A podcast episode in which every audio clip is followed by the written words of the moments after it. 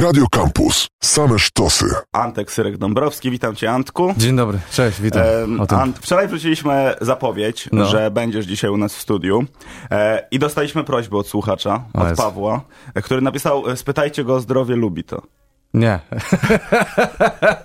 Oni wiedzą, moi fani wiedzą, jak mnie zdenerwować, więc e, ten, e, tak, bo już mnie denerwuje, że wszyscy mnie pytają, jak się czuję, czy wszystko ok, czy żyjesz? Jakby tak, jest już dobrze, dziękuję bardzo. Tak, Pawle, wszystko jest ok. No ja właśnie tak myślałem, że ten początek trochę cię zdenerwuje. A początek też jest ważny, czy chodzi o wywiad, czy chodzi o stand-up. No. E, powiedz mi, e, jak to jest, że jak wy wychodzicie na swój występ, to prowadzący tak rozgrzewa publikę, żeby was powitała owacją E, na stojąco, żebyście zostali witani jak e, gwiazda roka? Czy to jest taki element zagrywki psychologicznej, żebyś od razu pokazał widowni, że dobra, ja tutaj jestem artystą, ja tutaj wychodzę i ty masz mnie szanować? To znaczy, e, w sumie jak tak opisujesz, to to brzmi żałośnie, że ktoś musi rozgrzewać, żeby cię witali jak ktoś, kto zasłużył na taką owację, nie? Więc jakby sam fakt, że ktoś musi to rozgrzewać powoduje, że czy automatycznie nie jesteś wart tego, nie? Że jakby ten, jesteś automatycznie... Nie, dobra, rozgrzewa się po to, żeby było fajnie, żeby ludzie się dobrze bawili, że kurde, że jest klimat, że jesteś, wiesz, e, że się... Bo wiesz, tak jak na przykład zaczynasz gadać z kimś, na, na początku tak rozmowa się nie klei, e, e, a potem nagle po jakimś czasie zaczynacie się dobrze ze sobą bawić, to w rozgrzewce chodzi o to, żeby przeskoczyć od razu do tego, że się zaczynacie dobrze bawić. Nie, bo też mi się wydaje, że tutaj jakoś psychologia działa, że jak kogoś też witasz brawami, ktoś wychodzi na, tak. na występ, to masz od razu większy respekt. To jest jedna wielka manipulacja, stary. My staramy się oszukiwać ludzi po prostu, ale, że się dobrze bawią. Ale bo ja też się, ja też się zastanawiam, no bo jak teraz y, występujecie przed dużymi halami, no i na początku jest ta, jest ta rozgrzewka, to jak było, jak stand-up w Polsce raczkował, kiedy no. jeszcze nie mieliście budżetu na prowadzącego i samemu trzeba Ale było my sami sobie prowadzimy. To nie jest tak, że ktoś tam nam przychodzi, to my, my no tak, komicy nie, sami. To widzę, tak, to widzę, tak. że i komik drugiemu. Tak, no, tak, tak, tak, tak. Ale co, jeszcze raz, że pytasz, nie, że miałeś, kiedyś było? Czy, tak, czy miałeś kiedyś jakiś e, właśnie problem z tym, że jak e, ten stand-up raczkował i występowałeś przed małymi salkami, gdzie pewnie przychodzili też ludzie, którzy nie do końca wiedzieli, co to jest, czy, no. że czułeś coś takiego, że te powitanie było takie miałkie, takie wiesz, yy, takie o, plask, plask, plask i, i ktoś zaczął tak gadać, że facet, weź mi tu nie przeszkadzaj, bo ja tu teraz piję, a ty mi gadasz. Ojej, to tu mówisz o samych początkach takich, tak, że się... Tak, o samych w, początkach, w porównaniu do tego, co jest teraz. Oj, to wtedy to było tak, że, ale to ja, ja jeszcze yy, nie byłem na tym, że to Karol yy, Kopiec z Czarkiem Jurkiewiczem podpinali się w barach i zaczynali gadać do ludzi i ludzie kazali im wypier... E, iść sobie, bo po prostu nie chcieli słuchać, bo ty przychodzisz pogadać ze ziomkiem, a nagle jakiś gościu, hej, wiecie co, byłem wczoraj w toalecie. No, kurde, ja pierdzielę, weź idź stąd i wiesz, i... ale to były hardkory. Teraz jest tak, że... Chociaż wiesz co, teraz przez pandemię ja mam wrażenie, że my żeśmy się teleportowali 10 lat do tyłu. Że, bo teraz nie możemy, wiesz, mamy małe sale, nie możemy e, zapełniać dużych sal, właśnie musimy grać na malutkich i na połowie tych malutkich sal sal. Więc my jesteśmy stary, dosłownie tele, teleportowaliśmy się e, do 10 lat temu. Więc znowu jest tak, że jest taka mała energia, mało ludzi, jest tak hej, siema. A, a ty nie, nie e. lubisz takich sal? Lubię, bardzo lubię, uwielbiam, ale tak jakby wtedy mówiąc... chyba większa interakcja może Tak, być. jesteś bardzo, bardzo intymnie jest. Możesz z imienia każdego e, tego na publiczności. I e, cały czas... Poznać. No to teraz już nie tylko pierwsze rzędy mają najgorzej. Jak jest mała sala, tak. to wszyscy mają wszyscy tak samo. mają przerąbane, tak, I, tak. I tak to się dzieje. E, a powiedz mi, e, kiedy nastąpił ten moment, że stand-up w Polsce wszedł do takiego mainstreamu? Ja pamiętam, jak oglądałem jakieś wasze starsze roasty i na przykład zapraszaliście tam youtuberów, to oni się często z was śmiali, że zestawisz w szeregu czterech komików i ich występ na YouTubie ma łącznie 2000 wyświetleń. Teraz się role odwróciły. No, no. no i teraz to wy możecie się z tych youtuberów śmiać, no bo to wasze występy mają po parę milionów. Co twoim zdaniem wpłynęło na taką popularyzację stand-upu? Roast Kuby Wojewódzkiego, czy to było parę składowych? Nie, no to jest wielka praca, stary. To jest tak, że wszystko, że żeśmy robili to, a nie przerw. Po pierwsze, jesteśmy zajebiści. Jesteśmy bardzo dobrzy. Nie, mogę mówić, a nie, przerw. Nie, tu nie można. Nie można tak, przepraszam. Jesteśmy bardzo wspaniali. dobrzy. Wspaniali. Jesteśmy bardzo dobrzy. Przepraszam, cenzurę tutaj. Eee, ten. No i dużo, dużo pracy. Te roast, wiesz, no, e, pierwszy roast, pierwszy roast w ogóle w historii Polski e, miał miejsce w, w masz, maszynowni na Chłodnej, gdzie było 40 osób i to był roast Maćka Adamczyka, który był tu e, przed chwilą.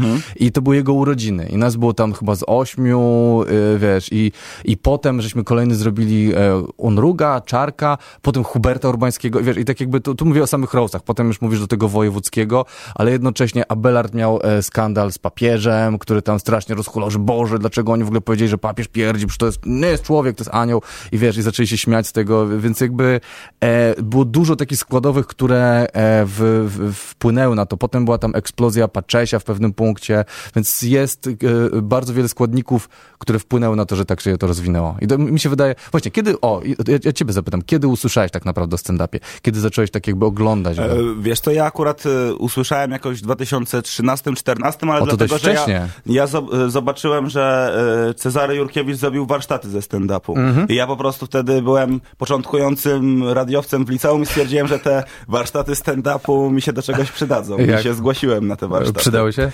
E, Nie, no to... Nie, bardzo, bardzo pozytywne wydarzenie, tylko ja potem e, napisałem do, do pana Cezarego, żeby Tak. dał mi jakiś papierek, że ja to skończyłem. Bo ja stwierdziłem, że jak e, rozpoczynam dopiero swoją drogę radiową i gdzieś wyślę CV No. i zmienię stację kiedyś, to że może mi się to przydać, że ktoś wiesz, spojrzy na moje CV i stwierdzi, O. super, on był na kursie stand-upu.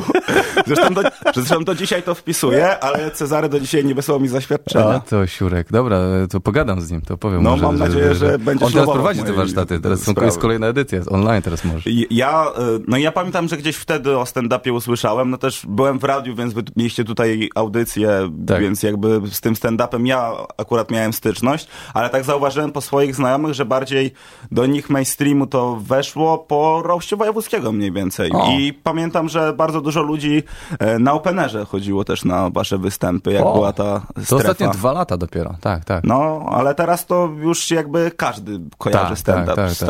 Moich rówieśników chociażby. No, mi się wydaje, że ostatnie 2-3 lata to jest taki mocny już taki boom, że już, już nie ma problemu. odświeżyłem sobie twój materiał Sierpień Uff. i powiedziałeś, że e, dla ciebie ten materiał był taką formą psychoterapii. Tak. I ja mam do ciebie pytanie, jak ty przekułeś swoje poczucie humoru w oręż, który wtedy podtrzymywał cię tak naprawdę w tej trudnej sytuacji? No właśnie, poczucie humoru było moim orężem, że to było to, co mi dało, wiesz, jakby na, naturalny... To jest... Ja nie to jest i klątwa, i ten, i ogromne błog- błogosławieństwo, że wszystko przez humor rozumiesz, że ja, ja, ja bardzo dużo rzeczy przez humor rozumiem, więc na przykład e, kiedyś przez jakiś czas e, e, byłem na reżyserii w pewnej szkole e, fi, filmowej, prywatnej, więc jakby nic, nic ważnego i tam były pok- pokazywane e, etiudy młodych tamtych reżyserów i były tak dramatyczne, że ja bekowałem. A oni byli tak wnerwieni, stary, oni tak, bo tam jakaś przychodzi córka i tam mówi, że e, jakaś dziewczyna, zdradzam cię, tam z kim? Z twoim ojcem. On taki, ja pierdzielę, po prostu wiesz, umierałem ze śmiechu, a ona taka, boże, to jest dramat, nie? I ja bardzo dużo rzeczy rozumiem przez, e, przez komedię, więc, więc e, tutaj akurat wnerwiłem tamtą, pamiętam, dziewczynę, a, a tutaj po prostu jak stała, stała się taka tragedia, e, jaka się stała w moim życiu, to zacząłem ją przez humor odbierać po prostu. I... Ale myślisz, że to jest też umiejętność, którą można nabyć? Tak, stopniu? maksa. Na maksa. No i to ja to z z czasem mm, ten e, nabrałem. Ja też e, w tym tygodniu robiłem inną rozmowę z panią, która straciła wzrok e, 10 lat temu. No. I ona też na antenie opowiadała swoją historię i ona mówiła, że przez trzy pierwsze lata po stracie wzroku no, była załamana, ale potem jakby pewne siły w sobie zebrała, no, No. i też między innymi dzięki humorowi rozpoczęła życie na nowo. O, super. Więc to też jest taka historia Ja bardzo nie wiem, czy możemy tu analogię, bo ja, ja, jednak, ja jednak wyzdrowiałem. Nie? Ona odzyskała wzrok, czy nie? Nie. Nie, no. to, to, to trochę inna.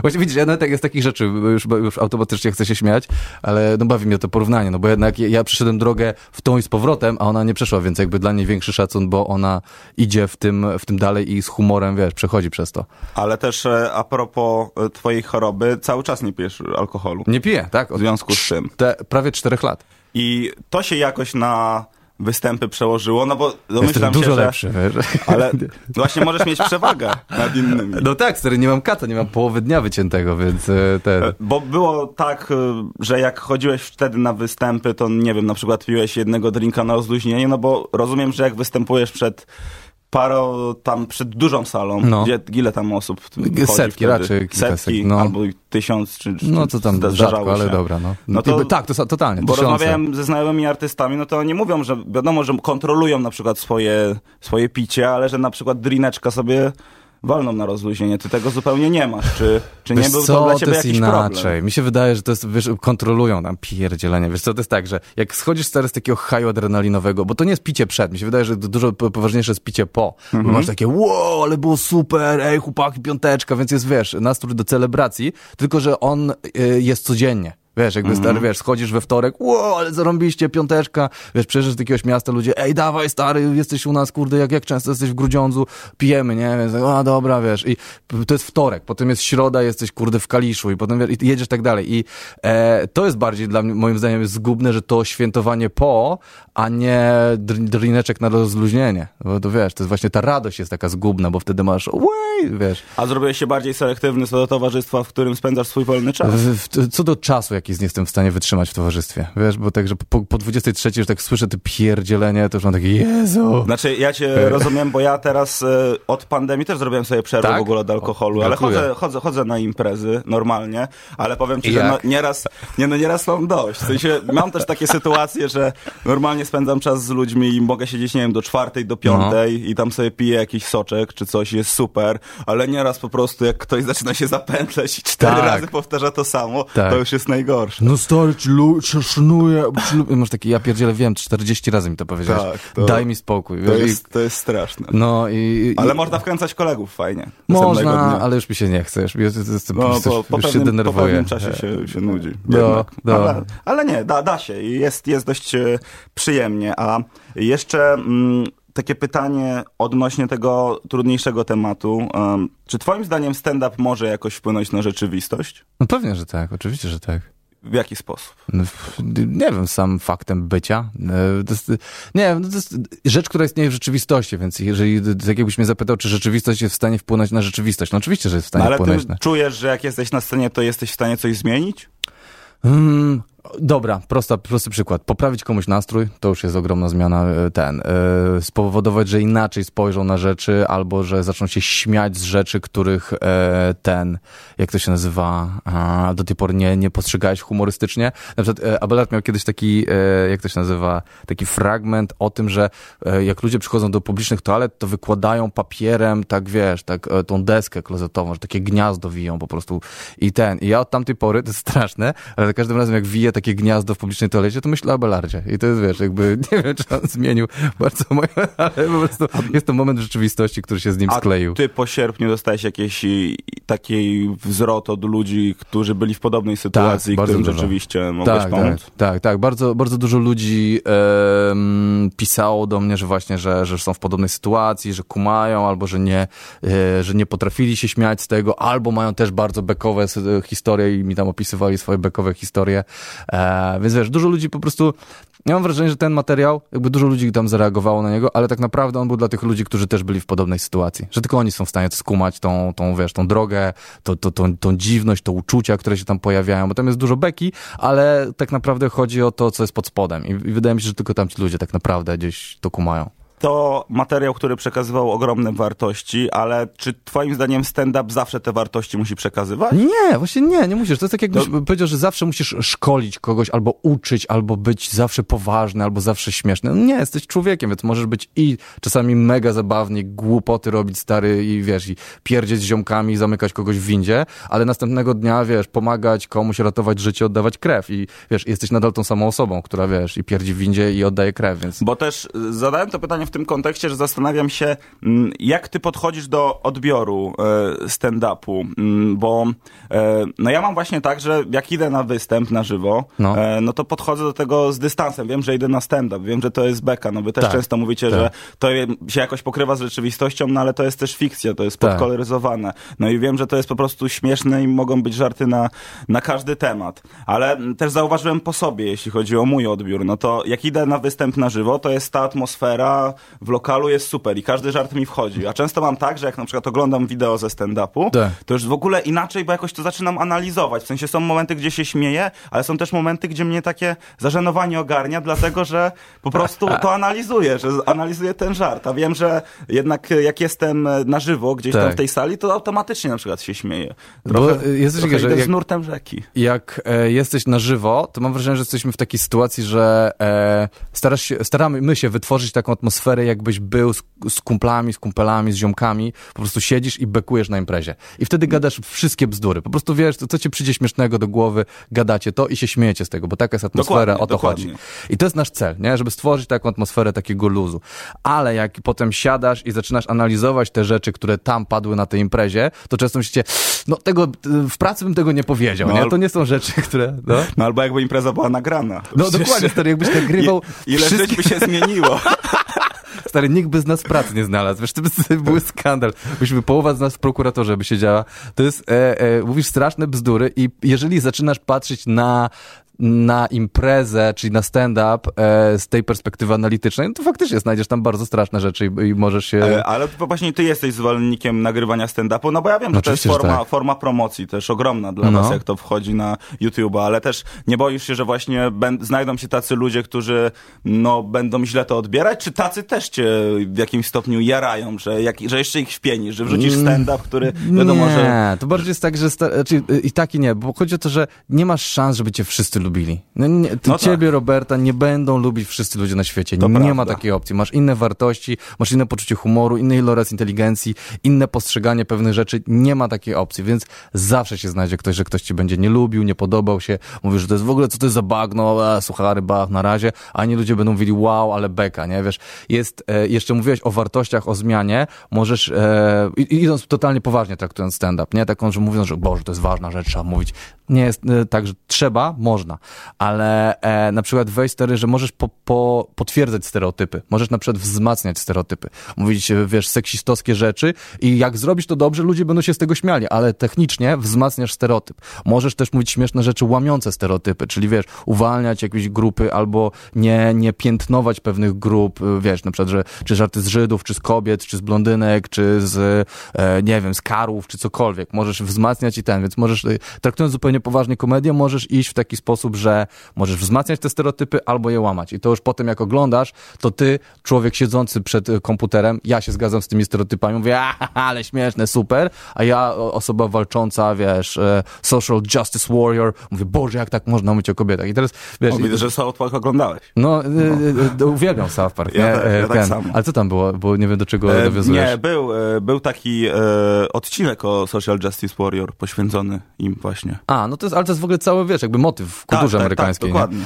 Więc e, ten, więc e, chodzi mi o to, że e, m, ludzie będą różnie odbierać, bo są w różnych punktach rzeczywistości i w różne mają wartości, więc zawsze ktoś się będzie zgadzał lub nie zgadzał z twoim. Nie masz na to wpływu po prostu. A e, też się zastanawiam, jak już też wszedłeś w te kulisy e, stand-upu, e, co ci w Chicago przekazali, jak ty się tego stand-upu tam uczyłeś? Ja się nie uczyłem stand-upu, ja tam na impro pojechałem. A, Uczyłem się impro, improwizacji. okej. Tam chodziłem na kurs improwizacji i, i ten. Czego, co mi przekazali? No, żeby się bawić dobrze, że, że pamiętam jeden powiedział ten, że publiczność jest, e, są jak e, psy, że wyczują, czy się boisz, czy jesteś ten i będą reagować na twoje emocje. I to A super bałeś lekcja. się kiedyś na występie? No kurde, stary, przecież robiłem w gacie pier- przez pierwsze pięć lat. I co? ludzie to wyczuli?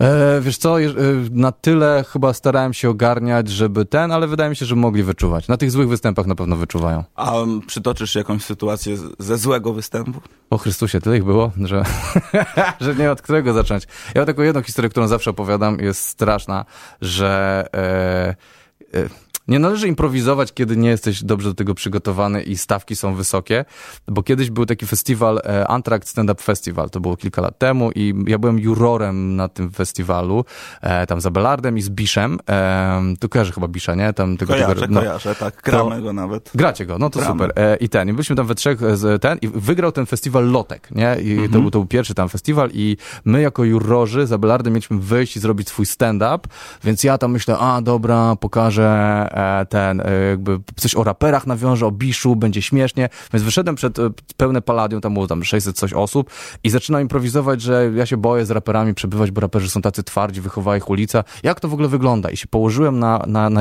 na tym, na, na, na scenie i zacząłem mówić, hej, Bisz, to ja ulica, ja cię wychowałam, do matki się nie odezwiesz, nie dzwonisz do mnie ostatnio. cisza, stary, jest absolutna cisza na sali, takie, co się dzieje? Jadę dalej. Więc ja tam, halo Bisz, zadzwoń do matki, dzień matki był. I jadę, wiesz, takim jak debil kompletny, nie? I tak skapnąłem się po jakichś dwóch minutach, że ej, kurde, chyba to nie działa, więc wstałem i zacząłem robić swój normalny materiał, który w ogóle nie podziałał, bo ludzie już myśleli, że jestem kompletnym idiotą. Kurde, stary. Ale, ale to jest historia tego typu, że następnego dnia jest ci trochę przykro, ale za pół roku to się staje naprawdę. No, po- po latach do- jest to bardzo bardzo śmieszne. dobrą historią. Bo ja, wiesz, ja, ja, i wiesz, ja szedłem jako juror, jako gościu, który ogarnia, wiesz, takie ja pierdzielę, jak można być takim krytynem, więc e, zszedłem i menedżerka wtedy Abelarda mi powiedziała, co to było, wiesz, ja mówię, przepraszam, jakby trochę improwizowałem, nie improwizuję się na takich wstępach. Ale taka niezręczność sama w sobie jest bardzo zabawna. No, dla, dla ciebie tak, nie, wiesz, dla mnie wtedy nie była. Nie, no wtedy wiadomo, że nie.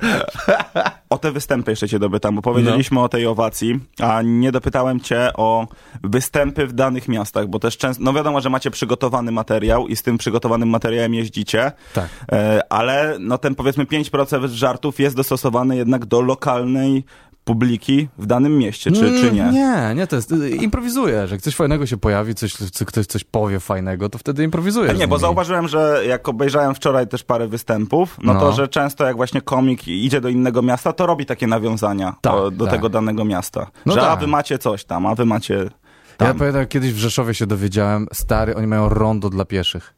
Mają rondo, wiem, właśnie widzisz, byłem w tak szoku i zacząłem gadać z ludźmi. Okazuje się, że oni mają nad rondę, mają rondo dla pieszych, gdzie ludzie sobie chodzą po prostu po rondzie i oni mówią, e, to jeszcze nic, mamy też podgrzewane, podgrzewane przystanki i klimatyzowane e, latem. Ja miałem takie, co, co tu się dzieje? Czy Rzeszów jest z przyszłości? I wiesz, i zacząłem jakby tam odgrywać, że oni po prostu z jakiejś innej planety, że Rzeszów tak jakby obserwuje Polskę, że coś tam, jakieś takie głupoty, e, te, bo by to tak rozwaliło, że mają podgrzewane zimą i e, chłodzone przystanki A, a miałeś kiedyś na takim występie sytuację, że przes, przesadziłeś z jakimś żartem i gdzieś ten lokalny patriotyzm wziął górę, że ludzie się tak wkurzyli, że czemu tam no, no, nasze miasto szkalujesz? E, nie, ja chyba nie miałem nigdy aż takiej sytuacji. Jakoś umiem, umiem na tyle wyjść z tego obrodą ręką, że umiem obrażać ludzi i nadal się śmieją, więc jakby... A to- ty jakoś researchujesz dane miasto, w którym występujesz? Nie.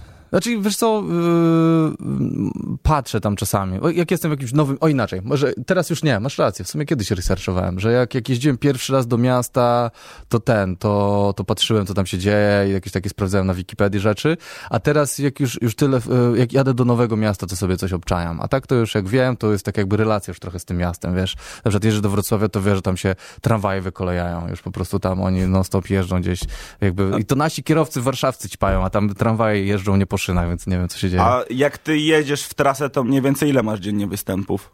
Dziennie? Dziennie, jeden, czy jeden? zazwyczaj. Jeden, zazwyczaj, okej. czyli y, albo dwa. Z, zależy jakiej wielkości masz salę i gdzie ten. Więc jak masz mniejsze lub średnie sale, to gramy po dwa, a jak masz duże, to zazwyczaj jeden. Często nawiązujesz w swoich stand-upach do tego, że ludzie się mało uśmiechają, a jak ty masz dzień występu, a też masz dzień taki, że uśmiechasz się mało, No. to masz jakieś swoje metody, żeby pobudzić sobie te poczucie humoru? Eee, pytasz do występu, czy ogólnie? No, ogólnie i do ogólnie, występu. ogólnie daję sobie prawo do smutku. Ogólnie, naprawdę, daję sobie prawo do smutku. Jak jestem w złym nastroju, to mam prawo się smucić. Nie muszę być szczęśliwy na, szy, na siłę. Eee, To a- o, bardzo taka dojrzała postawa, no trzeba sobie No. radzić z każdymi emocjami. No dokładnie, proszę pana, już mam 38 lat, ja nie mogę się pierdzieć w jakieś głupoty. I pan jeszcze psychologię studiował. No, właśnie, więc widzisz, tu emocje, tak. E, nie, no, y, nie, nie staram się sztucznie jakoś e, majstrować swoim nastrojem, chociaż na przykład nauczyłem się pewnych rzeczy, które wiem, że mi pomagają lub nie. Na przykład spacer jest super rzeczą, że, że idę sobie po prostu puszczam i wiesz, i spaceruję bez celu przez godzinę i to jest bardzo dobre na ten, A albo po występie masz jakieś rytuały, czy z reguły jest tak, że ta adrenalina w trakcie występu nawet y, sprawia, że nawet jak masz gorszy humor, to zaraz jesteś radosny. Y, nie radosny, pobudzony. Jesteś taki, że, że tak się szykujesz, tak jakby na, na coś ekstremalnego. Tak jakby nie chcę powiedzieć, że do walki, ale też jakbyś się szykował do wspinaczki wysokogórskiej, czy wyścigu, coś. To jest takie, wiesz, takie podbudzenie, że masz, okej, teraz wchodzimy tutaj, będziemy to robić. I to jest e, bardzo fajne uczucie. E, Ty potrafisz jakoś scharakteryzować polskie poczucie humoru? Nie, nie wiesz. Nie...